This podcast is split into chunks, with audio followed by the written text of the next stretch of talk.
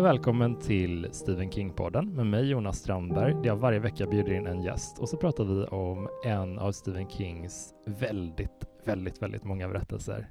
Eh, och den här veckan så har jag den stora äran att ha med mig en debutantgäst till podden. Det är alltid lika spännande. Vi kommer alldeles strax presentera henne, men först välkommen hit Katarina Hovner.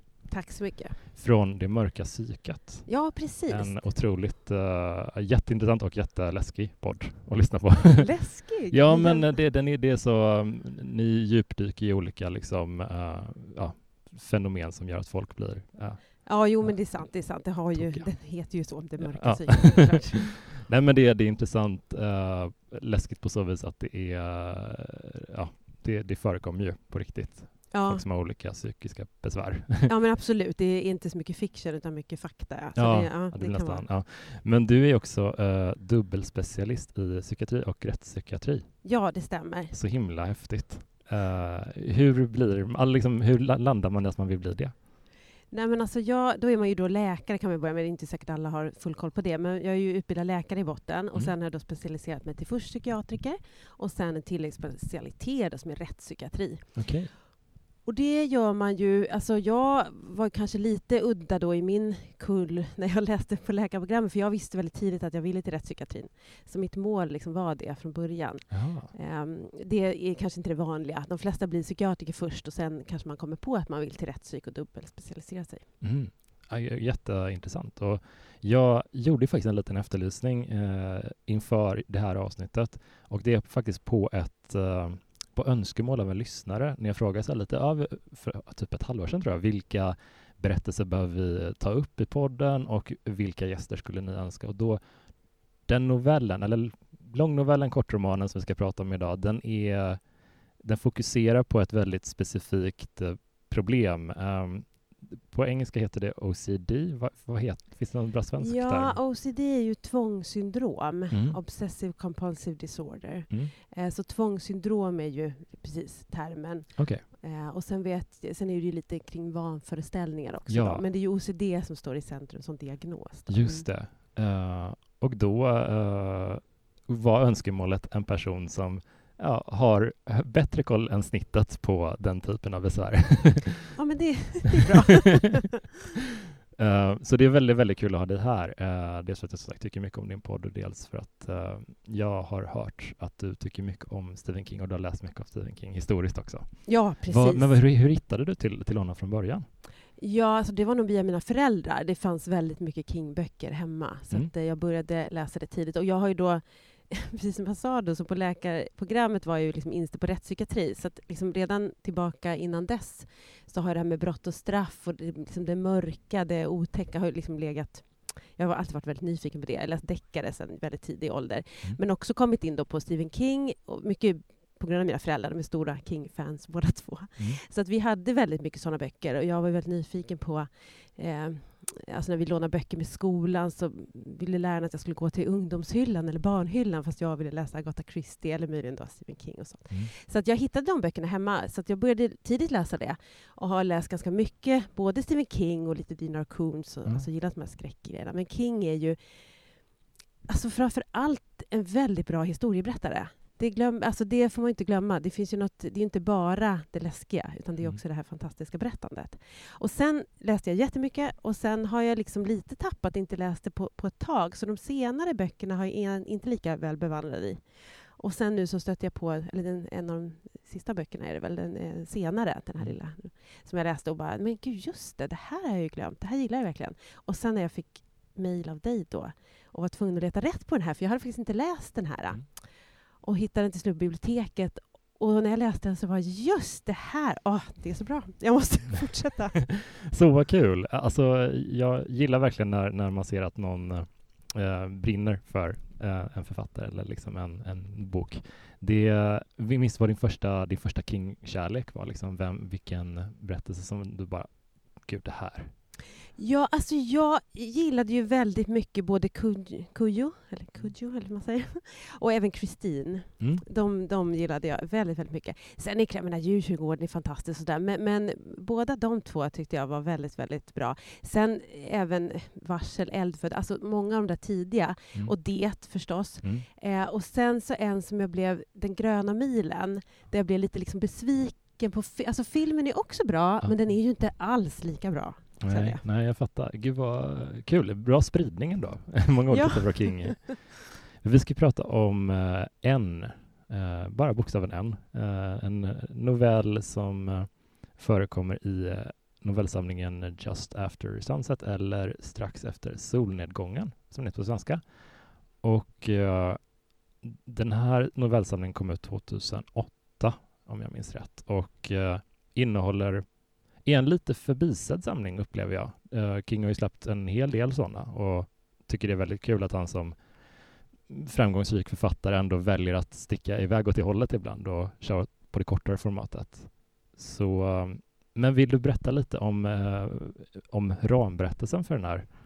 Ja, men precis. Det är, får jag bara fråga, jag som är ny i podden Ja, här, då, är ja. det, får man, man får inte spoila, eller liksom, hur är Ehm, tanken? Alltså, vi brukar eh, berätta lite allmänt om berättelsen först och sen så när det känns som att det är en, på en rimlig punkt så brukar ja, jag brukar oftast flagga att nu kan vi spoila. Så att, eh, Ah, ja, jag lite allmänt bara först. Jag fattar.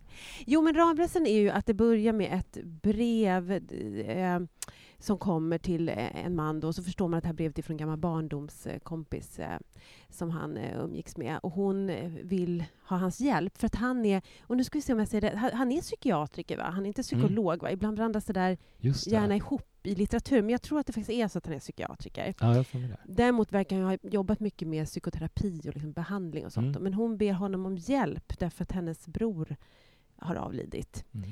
Eh, och hon eh, eh, skriver väl till honom kring det här med att det finns ett brev. Hon har hittat brev. Alltså han, Mm. Hennes bror har skrivit väldigt mycket kring någonting som han eh, som hon tror, hon vill ha hans hjälp att liksom tyda eller förstå vad det är som har hänt. Mm. Just det, och eh, vi, kort efter det så kastas vi in i det ska säga, centrala storyn, typ, man ska kalla det, där eh, den här brodern då eh, sitter, återger sessionerna med en patient som eh, förkortas bara en. Jag vet inte riktigt vad... Ja men just det, visst, just det, förlåt, det är ju brodern som är psykiatrikern ja. Det, det är kanske inte han hon Ja. skriver till, nej. Nej, precis. Nej, just det. Eh, det är en gemensam ja, gammal kompis, typ, eller någonting. Så är det. Eh, exakt. Och, och det här, de här sessionerna, eller vad man ska kalla det, är ju verkligen eh, ganska kort in, in i berättelsen framgår det att en har väldigt svåra tvång, tvångssyndrom. Precis. Och eh, om du vill liksom, hur tycker du att de gestaltas, hur trovärdigt tycker du de gestaltas? Ja, nej men det, det som han beskriver är ju att han, ska se så att jag också kommer ihåg rätt här, nu har det gått lite tid sedan jag läste, men han beskriver ju att det är liksom lite hastigt påkommet, att han har levt ett vanligt liv och så plötsligt har det här liksom drabbat honom. Mm.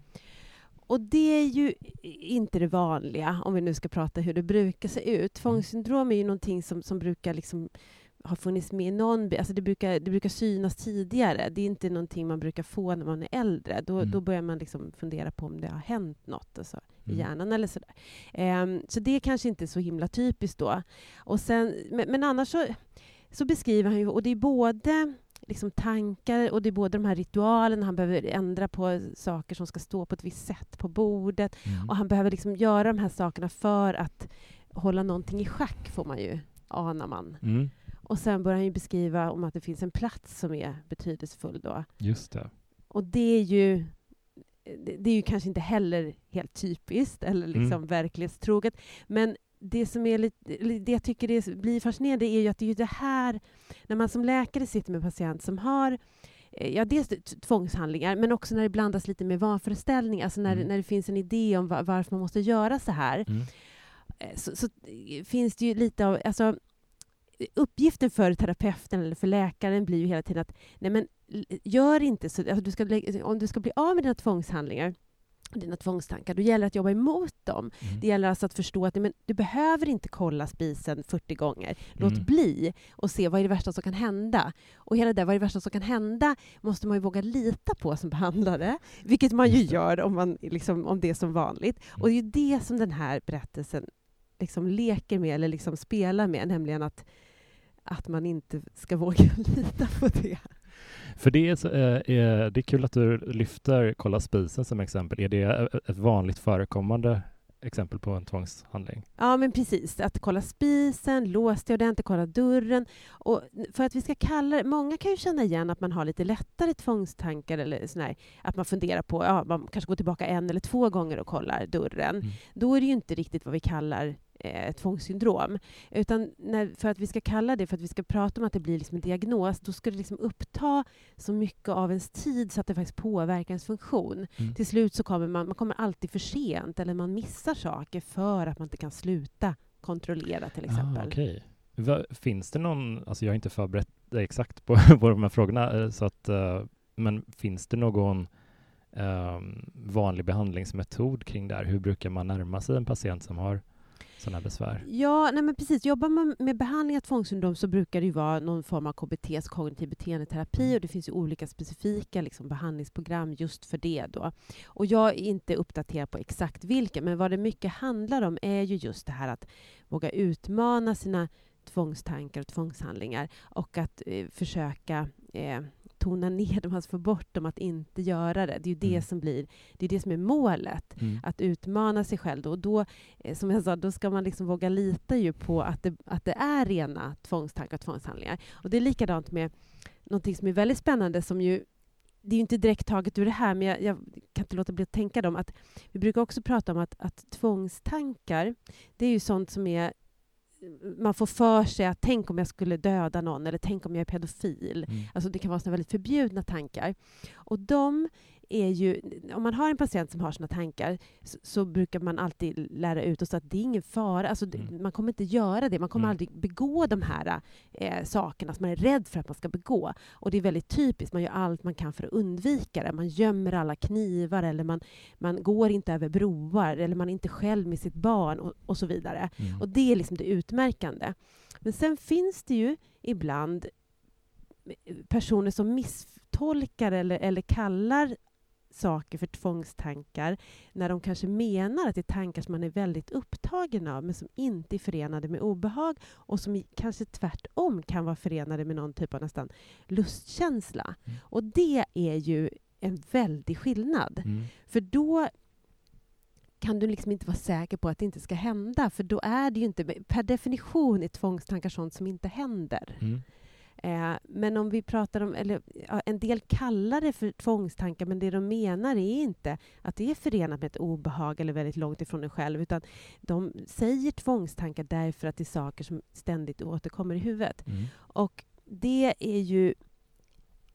Det, ja, jag funderar lite på, i den här berättelsen blir det ju nästan lite så, för han är ju väldigt upptagen med de här sakerna och han måste göra de här handlingarna och så åker han och gör det och då har han liksom... Men, men det typiska tvångshandlingen är att man gör saker för att undvika någonting annat Mm. och det håller ju en på med väldigt Ja, men mycket. verkligen. Jag tycker att när de eh, beskriver som, som eh, en person som inte är alls inläst på det här så känns det de beskriver hur den här patienten en eh, räknar saker, till exempel räknar bruna skor på vägen till jobbet eller sådär, eller räknar, eh, placerar saker och flyttar saker och sådär. Eh, och att det är ett sätt att skapa ordning, att hålla någon sorts, ja, för tillfället, liksom, det är alltid en tillfällig ordning han beskriver. Och det finns en scen, utan att spoila, där han, man märker, märker hur utmattande det är, är för en och han börjar liksom gråta för att det är, det är för jobbigt. Och det är väldigt äkta. Mm. Det är väldigt rimligt, alltså en bra beskrivning av det. För Mm. det är ju det, när det blir tvångssyndrom av det så är det väldigt utmattande och väldigt jobbigt. Och personerna kan ju ha ett väldigt stort lidande. Mm. Och det tycker jag också var ganska typiskt. Och, och lite det här att det eskalerar också. Det börjar med att okej, okay, jag behöver göra de här sakerna, och så gör man Mm. dem och det är inte så farligt. Men sen måste man göra ännu mer och ännu mer och ännu mer. Och just det där räkna och så ska det bli jämna tal och inte. Och sen att saker och ting har betydelse. De här, det är inte bara så att det är ett ojämnt tal, utan olika ojämna tal har också olika innebörd. Värde och liksom, sådär. väldigt mycket. Och det tycker jag ändå att man kan känna igen från att patienter upplever. Ja. Ja, men det, det kändes extremt trovärdigt i alla fall och hur, hur fängslad den här personen upplever sig vara i sitt eget huvud. Typ. Och, eh, det är såklart svårt att spekulera kanske, men skulle du säga att det känns som att King har gjort sin research här, liksom, eller om du bara får gissa lite? För att det... Jo, men det, ja, men det, ja, det kan man väl tänka sig. Och sen som sagt det här då att när man kommer till, liksom, när, när, när berättelsen fortsätter och man liksom börjar ana att alltså det som händer sen. Då. Men den här första beskrivningen av en och hans liv och lidande Mm. eh, känns ju trovärdigt. Sen det som inte är så trovärdigt är kanske debuten och hur han insjö... Alltså sådana saker. Men Mm. herregud, det är Mm. fiction. Nej men precis, för jag tycker vi kan eh, vi kan tisa lite om man inte har läst den här novellen att eh, det finns en, en väldigt tydlig koppling till en viss plats eh, för en, en plats som verkar ha triggat det här beteendet som du var inne på och eh, det där berättelsen tar en annan vändning kan man säga. Eh, och här tycker jag vi kan spoilerflagga lite kanske. Ja, precis. Eh, jo, och det, och det är ju inte så typiskt om Mm. vi tänker oss i psykiatrin, sådär, att, att liksom en plats skulle på något sätt ha smittat ner en person. För det är Mm. lite det man ja, anar har Mm. hänt här. Eh, en har hittat den här platsen och har fått liksom överta något typ av eh, ansvar. Och eh, det. eh, sen, ja, så ja, lyckas han ju liksom förmå sin behandlare att Mm. Eh, bli väldigt nyfiken och skrämd, men mest nyfiken. Ja. Nej men det, det är någon typ av uh, Stonehenge-liknande situation eh, på ett fält i Maine eh, såklart och eh, det som händer är liksom när en berättar om sitt första besök till det här fältet är att det är en cirkel med åtta stenar och han får liksom en allmän dålig känsla eller liksom en väldigt abstrakt känsla när han närmar sig den här cirkeln och fotograferar och liksom tar lite bilder och upplever efter ett tag att det bara är sju stenar runt den här cirkeln och att den åttonde flyter in och ut ur existensen lite på något sätt. Och det, det antyds väldigt tydligt att det är, den här cirkeln håller i, i, borta någonting från en annan värld. Att det är skynket mellan våran verklighet och den andra verkligheten är väldigt, väldigt tunt just på den här punkten. Och det är viktigt för honom att eh, genom sina tvångshandlingar och sina ehm, ja, sitt beteendemönster att han håller kvar den här portalen, att den är stängd. Det är viktigt för honom. Han blir någon sorts väktare ofrivilligt. Ja, men precis. Och det är ju därför han utvecklar de här, för det, allting hänger ihop. Det hänger Mm. ju med det här, liksom det, det är allt det här han, hans eviga ritualer ska leda till, att hålla det här i schack. Mm. Och sen just det där att det utvecklas blir värre och värre också, att de måste röra. Det, han pratar om att om man liksom tar på sakerna ska det hållas på plats. Att från början kan man liksom tänka och vara längre bort, men sen måste man närma sig då och då. Just det. Och det hänger ihop med vintersolstånd, det hänger ihop med solens rörelse. Det tyckte jag var intressant, att det är säsongsbetonat eh, sådär.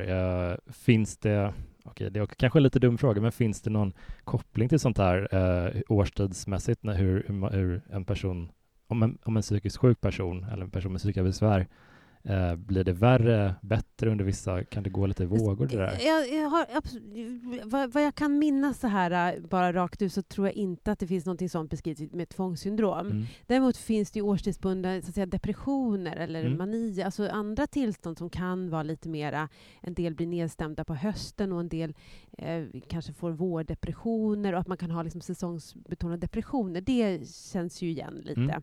Eh, det är inte så att de flesta har det så, men det finns personer som upplever en klar skillnad i årstiderna. Mm. Men just när det gäller tvångssyndrom tror jag inte riktigt. Men, eh, Mm. men det får man ju också en känsla av att, just som det sådana Stonehenge, alltså det här är lite mystiska och, och det blir mycket större när det hänger ihop med solens rörelse. så. Just det, det, det, blev, det var så intressant att ehm, i, jag, det här är, jag läste lite om bakgrunden kring den här novellen och sådär, vad Kings inspirationskälla var och sådär. Och hittade för andra gången sen jag började med podden att han hänvisade till en novell, eh, ja, en novella eller vad man ska kalla det, som heter The Great God Pan, eh, som är skriven av Arthur Macken, om jag uttalar hans namn rätt, eh, och den är från sent 1800-tal.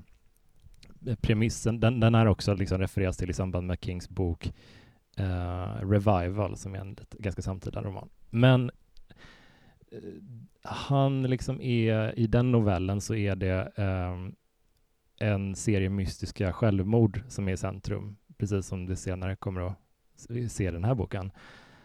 Mm, och en, en viss referens till eh, keltisk eller ok okultism, eller vad man ska kalla det. Eh, så det, det kan man också känna igen på något vis. Men det, det är så intressant, man läs, jag har inte läst jättemycket gotiska romaner förutom kanske Dracula sådär, men jag tycker väldigt mycket om hur de bygger upp stämningen, att det är ett väldigt stillsamt mysterielösande. Att vi följer kanske ett par personer som vet nästan vad det är som är det här problemet är, eller vad, men de, de agerar som detektiver lite kring problemet. Typ.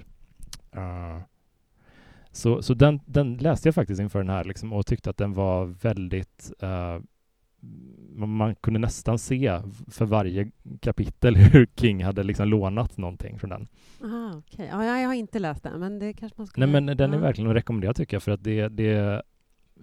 Jag tror att första kapitlet var det som var hela novellen från första början, att vi följer en, eh, en läkare som är någon sorts Frankenstein-figur. Liksom. Han utför väldigt märkliga ockulta experiment. Han vill eh, operera eller, i, hjärnan på en kvinna som inte riktigt vet vad det handlar om, men han, hans mål är att hon ska se till den andra sidan eh, då. Och eh, så går experimentet fruktansvärt fel. Vi hoppar ett antal år fram i tiden och de här mystiska självmorden börjar ske över hela London och de två män ska reda ut vad det beror på, typ. Väldigt spännande mysterium. Ja, men jag hör det. Ja, eh, den kan jag rekommendera eh, ja. alla lyssnare också. Eh, men eh, hur, hur, upplever du att uh, det skildras när uh, psykiatriken börjar smittas av det här beteendet? Hur, tycker du, hur trovärdigt tycker du det är? Ja, Eller hur, hur, tycker du det skildras generellt? Ja, nej men det, det, det, är ju just det där där det kommer in det här liksom skräckiga och att man som, som psykiatriker själv då kan liksom känna igen att man ibland, när, när en person beskriver vanföreställningar så är det ju ofta så att, att det är uppenbart för oss att det handlar om vanföreställningar. Men så ibland så kan man slå sig men gud, tänk om det är så här. För det är just mm. det, det finns olika typer av vanföreställningar, men sådana som är lite mera verklighetsnära. Alltså ofta, och ofta är det ofta inte här alls en fråga, utan eh, det, det, blir väldigt uppenbart väldigt snart att det här är så stort och allting är systematiserat. Så här. Men det är ju film, i litteratur och i film så älskar man ju att vända och vrida på det här. Den, den galna personen är den som egentligen har rätt och alla andra fel. Det, liksom, det känner man ju igen, det är ett jättekänt tema. Mm. Och så blir det ju här också. Mm. Psykiatriken blir ändå sådär, ja men jag måste till den där platsen och kolla. Och det är ju det, det, skulle jag säga är väldigt o... Ja,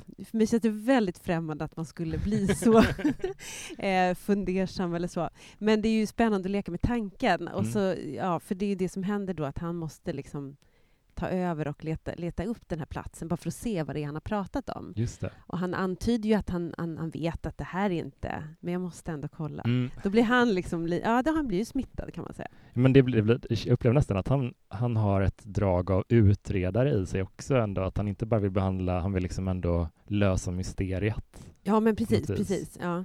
Uh, jag fick en sån, uh, uh, det var länge sedan jag läste den nu, så att, uh, ber om ursäkt om det är en inte helt hundra referens, men uh, Van Helsing, karaktären i Dracula just, han har gjorts till någon sorts actionhjälte i senare filmatiseringar och sådär, men i boken minns jag honom som en holländsk gammal professor som eh, har liksom, är, väldigt, är den som knäcker gåtan till vem Dracula är, vad han är för någon typ av varelse och eh, hans möjliga svagheter och sådär.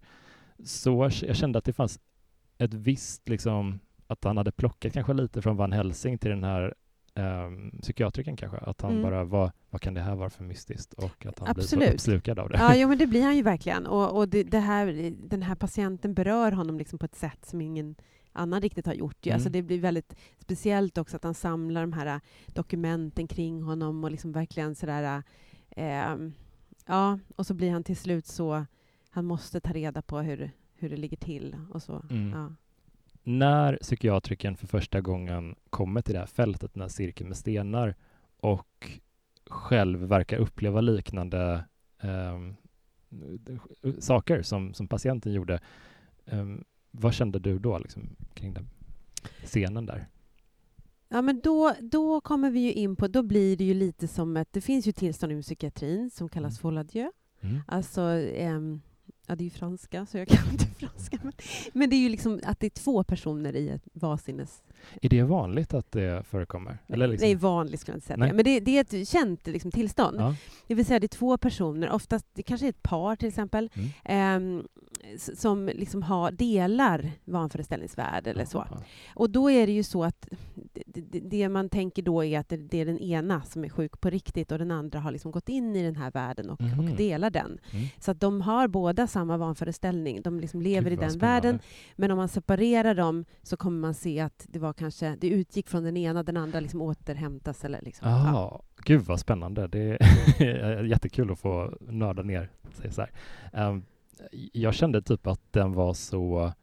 eh, det, det är någonting med Kings... eh, den, den här har lite läst att när folk skrev om den här när den kom ut, att, att de refererade ofta till, till Lovecraft till exempel, som ofta jobbar mycket med så här Eh, lite mer överjordisk kosmisk skräck typ och att det, det finns en, ett hot från en annan sida som vi, skulle vi ställas mot det och konfronteras med det skulle vi antagligen inte ha en chans. Så att det handlar bara om att hålla det, parera det typ. Eh, men King själv hävdar då att det här är liksom inte en Lovecraft-inspiration utan det är då Arthur Macken som är central källa här. Men det känns som att King är i någon typ av känslomässigt mindset om man ska säga när han skriver den här typen av berättelser som är lite mer åt det hopplösa hållet. För att vi har ju passerat spoilergränsen nu. Det är ju inte ett hoppfullt slut för fem öre. Det är verkligen Absolut inte. fullständigt... eh, Nej. Ja, nej men verkligen. Eh, nej, men så jag, jag tänker lite så här, för, för när han då, som jag sa, då, det, det känns ju inte liksom så, så himla eh, verklighetsnära, liksom tro, alltså så att, att psykiatriken då skulle söka upp den här platsen och plötsligt gå in, alltså så. Men det är ju samtidigt det som är lite kittlande, nämligen att, att liksom, vad händer när man då vågar utmana eh, det, det, det vanliga, liksom så här, man går ifrån sin professionalism och så tar man ändå steget ut och provar det och så blir man drabbad då. Eh, och då, då tänker jag att det, man kan tänka att det går över lite i det här folie Mm. eh, Att han liksom går in i sin patients vanföreställning också och Mm. börjar dela den. mm. Om man ska se det på det här krassa naturvetenskapliga sättet Mm. som, som jag gör. Det, jag älskar Men det. Men, men sen är det ju liksom kittlande då att det är Eh, att det är så man kan se det, eller så kan man se att det verkligen är då en kosmisk kraft, eller det liksom Mm. är någonting med den här platsen som verkligen är eh, som händer när Mm. man kommer dit. Mm. Nej, men det, jag tyckte det är så intressant när, eh, när det, det här börjar sprida sig från person till person, att det hoppar lite från, ja, men, när eh, um, psykiatriken själv eh, tar livet av sig, då får, om det är systern som först får reda på det och eh, börjar undersöka, gräva lite i det här fallet och sen tar även hon av sig ganska nära det här fältet också. Ja, precis. Och eh, vi anar att det, det här kommer nog bara pågå. Ja, men precis. Sprida sig, helt precis. enkelt. Jo, men det är det man får känslan av, att, att det har liksom hon, även hon har lyckats Ja, men det är som en fastna. lågmäld... eh, För, för jag tyckte det var intressant när man började läsa det här, eh, de första mötena med en, att det kändes som att han kanske skulle vara hotet på något sätt. Att han skulle vara, Ja. en, bli, m- mörda Just det, någon eller ja. någonting. Att han pratar ju ofta, ofta de här våldsfantasierna typ. Ja, ja nej, men absolut. Det tycker jag också var väldigt oväntat att det var på det här sättet det skulle Mm. vecklas ut. För att jag tycker också det, det börjar liksom med det här, okej, han har skrivit om sin patient och han är or- alltså det är någonting som så tänker man, ja, precis, vad är det som händer? Precis, Blir han mördad av patienten eller vad är det som ska hända här? Så ja, jag håller med. Det är en oväntad vändning liksom. Men Uh, nu är det, jag vet att det, det kanske är märkligt att spekulera i, men uh, jag upplever ofta att King är väldigt uh, hoppfull i sitt, an- även när det är hemska berättelser så finns det liksom ändå en känsla av att det går att ta sig igenom saker och ting. Men s- finns det någonting att säga om en författare som när han eller hon bryter mot det, som i det här fallet, liksom vad, vad tror du det är hos den som gör att man bara liksom... Ah, du menar vad har hänt med King när han skriver den här? Ja, den här typen av hopplösa. Det behöver inte vara en, eh, en uh, medicinsk förklaring. Det kan vara, jag tänker bara liksom, vad, vad är man emotionellt, typ, kanske? Jag har ingen aning. det, det... ja, nej. nej, jag vet inte. Men det är ju det är en intressant iakttagelse att det, att det bryter mm. mot det vanliga och att det inte finns... För den här slutar ju oerhört svart. Mm. Liksom. Mm. Det finns ju ingen som helst känsla av att det kommer att... Det, det, är ingen som lyckas rå på det Nej, alltså det var så intressant att läsa den för att den kom eh, kanske tio år innan Revival som alltså är väl, känns väldigt besläktad med den här på vissa punkter. Revival är mer att eh, det som skiljer den från den här eh, till stora drag är liksom att den bygger upp väldigt mycket över liksom en 30-årsperiod. Man följer två centrala karaktärer i olika lägen i deras liv och sen uh, händer det hemska saker. Men det är väldigt mycket mer uppbyggnad och här är det ganska mycket att man kastas in i en trängd situation tidigt, typ. Uh, men det, det är liksom med jämna mellanrum så sticker han iväg och gör någon sån här riktig eh, håglös Men jag tänker att det är väl också liksom en, det tycker jag, det är ju också en, en styrka hos en författare att våga mm. leka med det, eller liksom att, att plötsligt bryta sina egna mönster, eller liksom inte eh, och att man liksom, när man tror att man kan det, eller man tror att man vet hur det ska bruka vara, och så blir det plötsligt någonting som helt bryter. Det är ju ganska imponerande. Verkligen. Mm. Man är så van vid, eh, som eh, filmtittare kanske främst, men eh, alltså, om man konsumerar modern kultur, det, det, är väldigt vanligt att saker löser sig hela tiden. Att det, det ska kännas bra när man kommer ut från biografen eller när man stänger igen boken. Det är lite jag hade den känslan också när jag hade läst Djurkyrkogården, både jag och Mikael som jag poddade med om den. Vi satt lite här och bara eh, kände att vi båda behövde ventilera det lite. Och så kände jag lite här också på något sätt att det, det är en bok som man lite behöver prata på något sätt med någon om efter, efter man har läst den, för att den är så uh, tung att mm. ta till sig på mm. många sätt. Eh, när, när jag liksom föreslog den här novellen för dig och du inte hade läst King och jag sen själv började läsa den, eh, då kände jag bara oj gud vad har jag kastat åt Katarina? Det kändes så taskigt att vara... Jaha, nej men, det, ja, nej men så här, som jag sa i början då, så som sagt, jag har inte läst på ett tag, mm. men jag har ju läst väldigt mycket tidigare, så ja. jag tyckte det här var jättehäftigt att få återgå. Ja. Sen även om just det, i och med att det också är en bok med flera kort alltså flera noveller i, mm. så var det väldigt tacksamt att även om man då... Jag tänker också att då blir det mer förlåtande om den blir om den slutar sådär, för det finns mm. flera man kan på något sätt... Eh, hade det varit en stor, tjock, lång roman, mm. då, då, kanske man inte pallar att sluta på det där sättet. Nej. Nej. Eller jag vet inte. Nej, alltså jag tror verkligen att det är det, är det som lite har hållit mig i alla fall undan från Lovecraft till exempel, för att jag har förstått att det är ganska vanligt att det handlar om vanliga människor som kommer i någon fri, ofrivillig eller ofrivillig kontakt med den andra sidan och blir drivs till vansinne av det. Och ibland så har man den känslomässiga marginalen att man kan göra det. Ibland så bara, nej men gud, jag orkar verkligen inte. jag, jag pallar inte det här. um, men hur tycker du, du som har läst mycket King och sådär tidigare, vad, hur tycker du den här um, särskiljer sig från Kings andra på något särskilt sätt? Nej, alltså som sagt, nu får man komma ihåg att jag då bara läste den här senare, liksom i, i nutid. Sen är mm. det ganska länge sedan. Jag, så, jag har ju sett lite tv, alltså, mm. vad hette den här tv-serien? Outsiders? Nej, vad uh, ja, The Outsider. Ja, ja. The, ja just det. Ja, den, den är, såg jag, för ja. det var ju rätt nyligen. Men, eh, men jag tycker att jag kände igen Mm. Alltså det här äh, otroliga fängslande berättandet. Mm. Det är mm. det jag tycker det är. Liksom. Och sen den här väldigt, väldigt smygande, obehagliga, obehagliga känslan mm. att inte veta, att inte känna sig trygg i vart, var ska vi hamna. Liksom. Ja. Och det är ju jättehäftigt, tycker jag. Ja. Så att jag tyckte det var en enorm upplevelse. Eh, alltså säkert så här oförskämt stor upplevelse, för det är ju fortfarande en ganska, ja, lite längre novell, mm. men, men eftersom jag inte hade gjort det på ett tag så var det väldigt eh, intressant berättelse att gå in i. Och jag läste ytterligare några ganska snart efter i boken som var betydligt kortare. Mm. Och då, det är klart, när de är sådär jättekorta, då blir det ju lite... Mer som en spökhistoria. Ja, men precis. Det blir lite en story. Så här. Den här kändes ju mera som ja, nästan en hel bok, liksom, Mm. fast den inte är så lång. Men jag, nej, jag tyckte det är gripande. Så, och jag tycker jag kände det igen. Jag menar, just greppen så. Mm. Men det är som du säger, det där med hur slutet är. Det, det, det, jag tänkte inte på det. Mm. Jag tänkte på att det var hopplöst, men jag tänkte inte på att det skilde sig. Men det handlar nog Mm. mer om att jag inte har läst på några år. Ja, men jag kanske också, det är mycket möjligt att jag överanalyserar. Jag läser en King-berättelse i veckan. Man lär sig rytmen efter ett tag. Liksom. Eh, Men jag tycker nog att det finns, Eh, det är lite abstrakt kanske och lite pretentiöst, men det finns ändå en värme i språket och en empati fortfarande hos honom, även om det är en ganska mörk berättelse.